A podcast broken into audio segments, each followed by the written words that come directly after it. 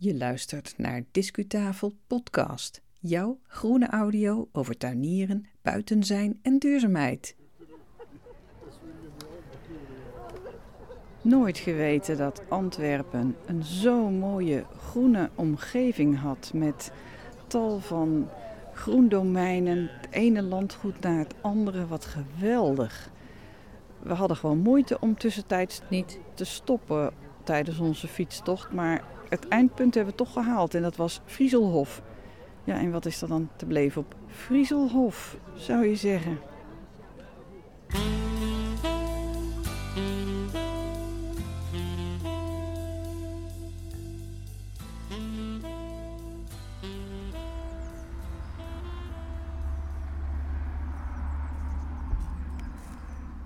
Ik zit hier uh, lekker in mijn uh, stadstuin, in het zonnetje, op een mooie lentedag.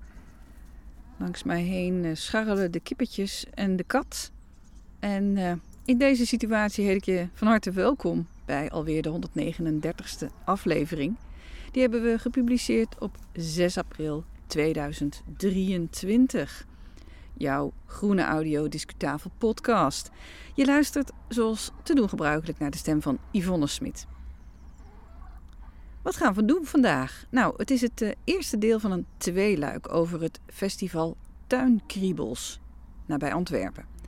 Dat wordt georganiseerd door de provincie Antwerpen, ook weer op 6 en 7 mei 2023. Dus als je wilt weten of dit plantenfeestje misschien iets voor jou is, zou ik zeggen: blijf luisteren. We maakten onze opnamen bij de editie van 2022. Het was toen een eh, kille dag, kan ik me herinneren. Een kille lentedag. En de locatie is landgoed Frieselhof. In een volgende aflevering van Discutafel podcast nemen we je mee in een ja, wel heel boeiend gesprek, vond ik, met eh, enkele standhouders over historisch lijffruit. Daar konden ze heel leuk over vertellen. Maar nu in dit eerste deel brengen we onder meer een bezoek aan stands over eetbare planten. Je hoort iets over de geschiedenis van Frieselhof, van het landgoed waar we zijn. En je hoort heerlijke sfeergeluiden. Veel plezier!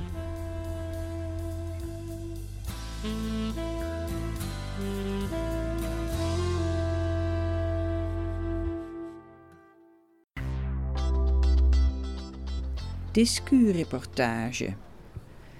Ergens op de grens van april en mei 2022 heb ik iets meegemaakt van de ontmoeting tussen kwekers en liefhebbers van planten. En dat was tijdens het festival Tuinkriebels in België.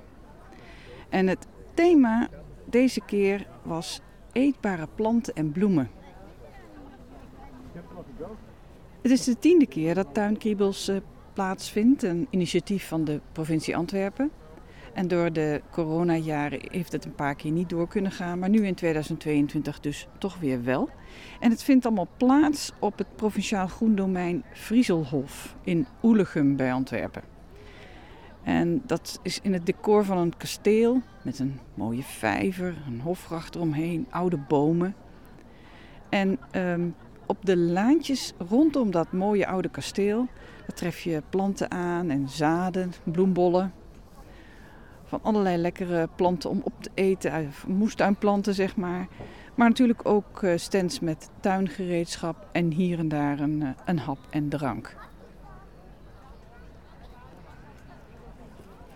Ik laat je in deze reportage meegenieten van de gemoedelijke sfeer tijdens tuinkriebels. Hier en daar een gesprekje met een standhouder, maar vooral heerlijke achtergrond, geluiden en ook iets over de de historie en het nu van zo'n landgoed zoals Frieselhof. Kenmerkend eigenlijk voor deze hele streek rond Antwerpen. Super interessant om te bezoeken. En leuk ook om de verbinding te kunnen leggen tussen de natuurlijke ligging van zo'n plek en de manier waarop mensen het hebben ingericht en ermee zijn omgegaan.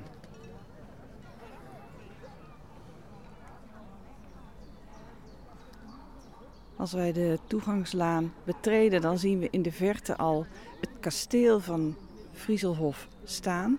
Maar voordat we daar zijn, passeren we nog aan beide kanten van de toegangslaan van het, uh, het uh, pad, brede pad, passeren wij nog tal van plantenstands. De planten die staan in hun kleine containertjes op de grond tussen de bomen. En boven onze hoofden het geluid van de vogels, de vogelzang. De planten die hier worden verkocht, dat zijn voornamelijk sierplanten. Ik sta hier bij dahlia's, bij vlijtige liesjes, bij lavendel. Maar er zitten ook fantastisch mooie stands bij van eetbare planten. Of planten met producten die je kunt eten, zoals verschillende pompoenen en allerlei kruiden. Wij kennen dat, hè?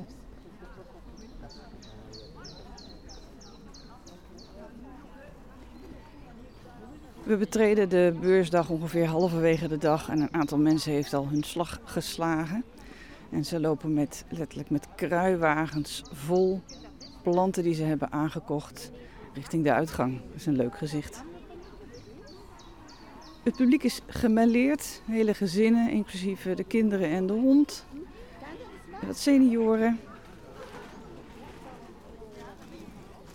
En er wordt gezellig gekeuveld tussen de standhouders en de standhouders met hun bezoekers. Ik passeer nu een stand van het steunpunt Levend Erfgoed. Je hoort wellicht ook op de achtergrond de uh, zeer grote kippen die hier uh, in een omheining staan opgesteld. En dat is van het ras de Mechelse kalkoenkop. Uh, kippen die, waar die van mij echt drie keer, vier keer in kunnen, zeg maar, qua omvang. Ze zijn een beetje wit met zwart gevlekt. En ik denk tussen de poten en de kop dat je al gauw 40, 45 centimeter telt in hoogte. Daarnaast bij diezelfde Stichting voor de Bescherming van het eh, Levend Erfgoed, daar zien wij twee Kempische, Kempense geiten staan. Witte Kempense geiten met een flinke sik en mooie horentjes. Die kunnen natuurlijk op de aandacht rekenen van de kinderen die hier uh, zijn gekomen. Dat ehm, steunpunt Levend Erfgoed die probeert de oude rassen uit de streek uh, te beschermen en uh, de bekendheid daarvan te bevorderen. En dat gaat dan vooral om boerderijdieren. Het pad gaat van zand over in gras en we komen langzamerhand op het gazon voor het kasteel. Langs een wel heel mooi uitgebreide kruidenstand. Met allerlei soorten munt, banaanmunt, Marokkaanse munt, bonte appelmunt, sinaasappelmunt, berries en cream munt. Je kunt het zo, ver, zo gek niet bedenken. En tijm en rozemarijn. Het is echt uh, bijzonder leuk om te zien. Ze zijn al ver in de, in de groei, zeg maar, een beetje voorgetrokken. Waardoor ze ook uh, leuk zijn om te zien. Maar uh, als ik dit opneem, dan is toch uh, de ijsheilige al in aantocht. Dus dat is allemaal niet zo riskant om die nu al aan te schaffen in deze, dit, dit formaatje, zeg maar. Ik passeer weer een mevrouw met een kruiwagen vol rhododendrons.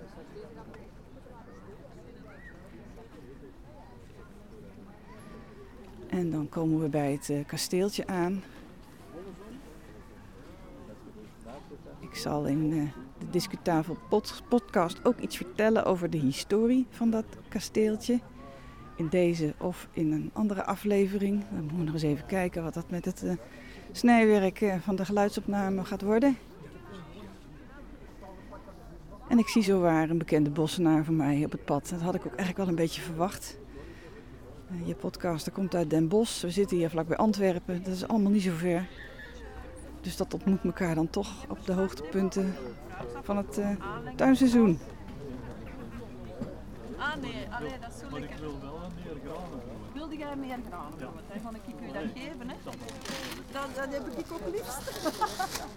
Het thema van dit jaar van Tuinkriebels is de eetbare tuin. Dus we treffen veel stands aan met, van planten, met planten die je kunt eten, waar je de bloemen van kunt eten, of het blad waar je gerechten mee kunt maken. Maar ook bijvoorbeeld producten die uh, gemaakt zijn uh, met honing.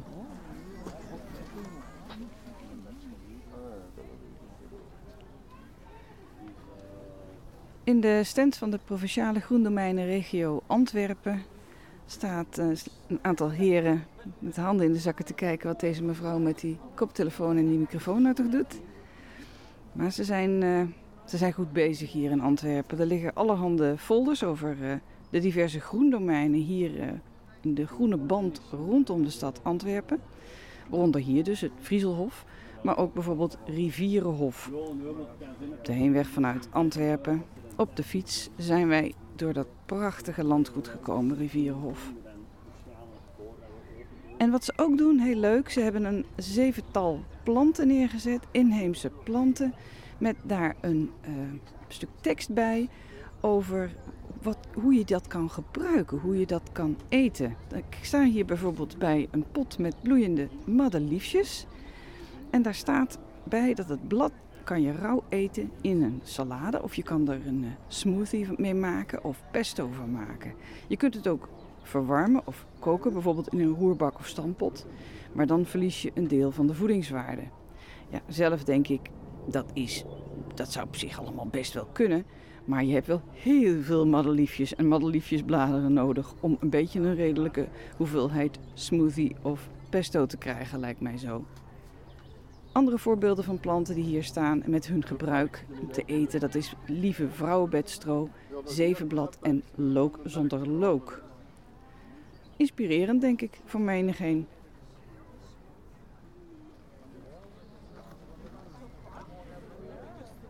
Tuinkriebels die uh, afficheert zichzelf met het uh, etiket dat ze ecologisch uh, verantwoord bezig zijn. En die sporen vinden wij ook wel op het terrein. Sta hier bij een viertal afvalcontainers. Eentje voor papier en karton, eentje voor restafval, eentje voor GFT-afval en eentje voor plastic flessen en uh, plastic verpakkingen en dergelijke, drankkartons. Met het mededeling, hou het park schoon, afval sorteren is heel gewoon. Dankjewel.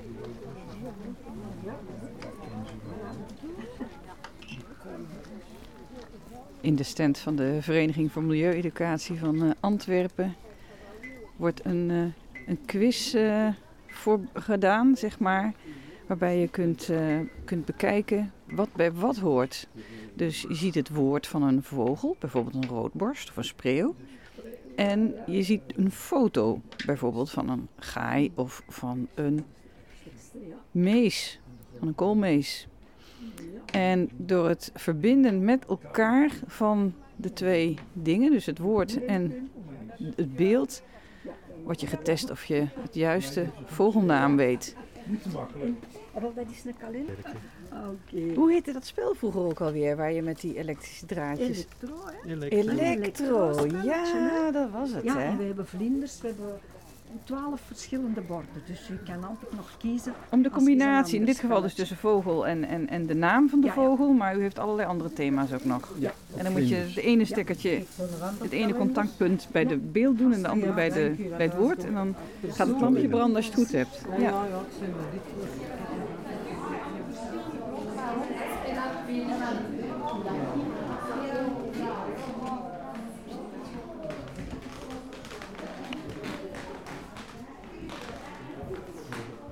Tuinkriebels geeft ons ook de mogelijkheid het kasteel een klein beetje te verkennen van binnen. Met een aantal exposities. We lopen nu in de bibliotheek. Oude boekenkasten aan de wand en een krakende vloer.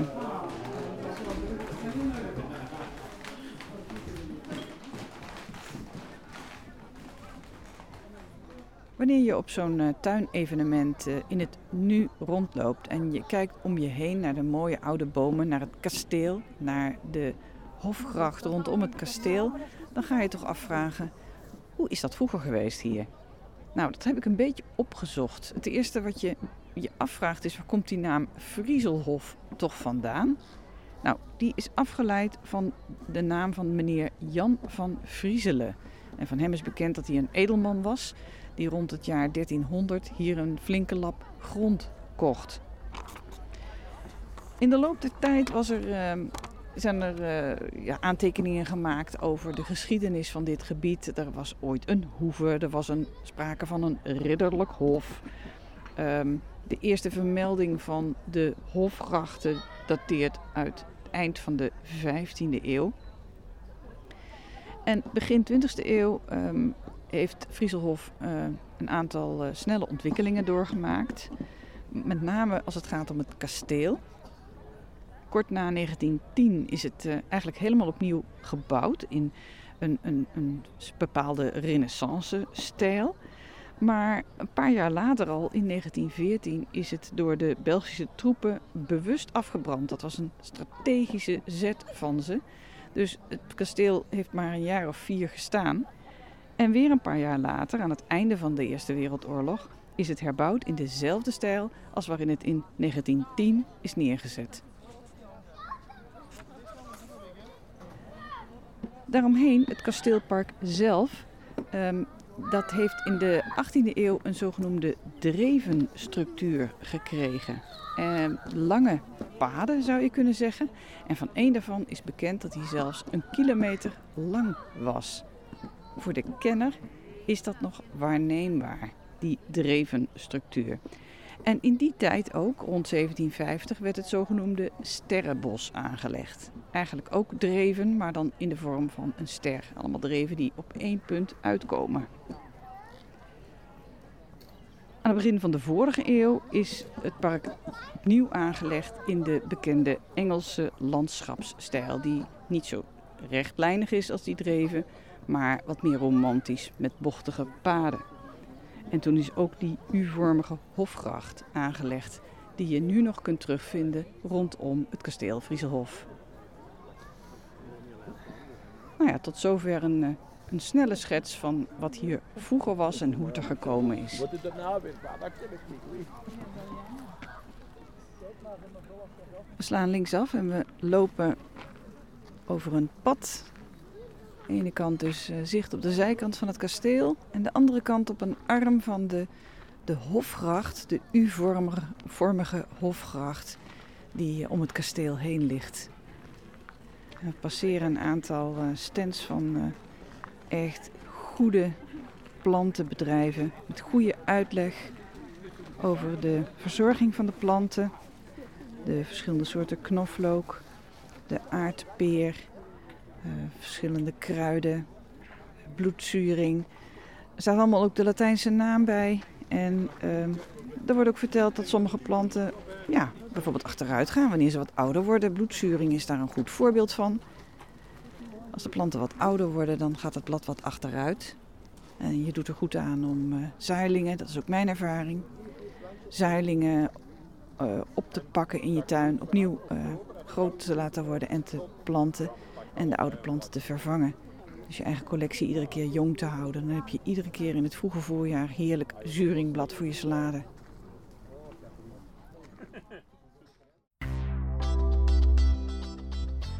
Discuslot.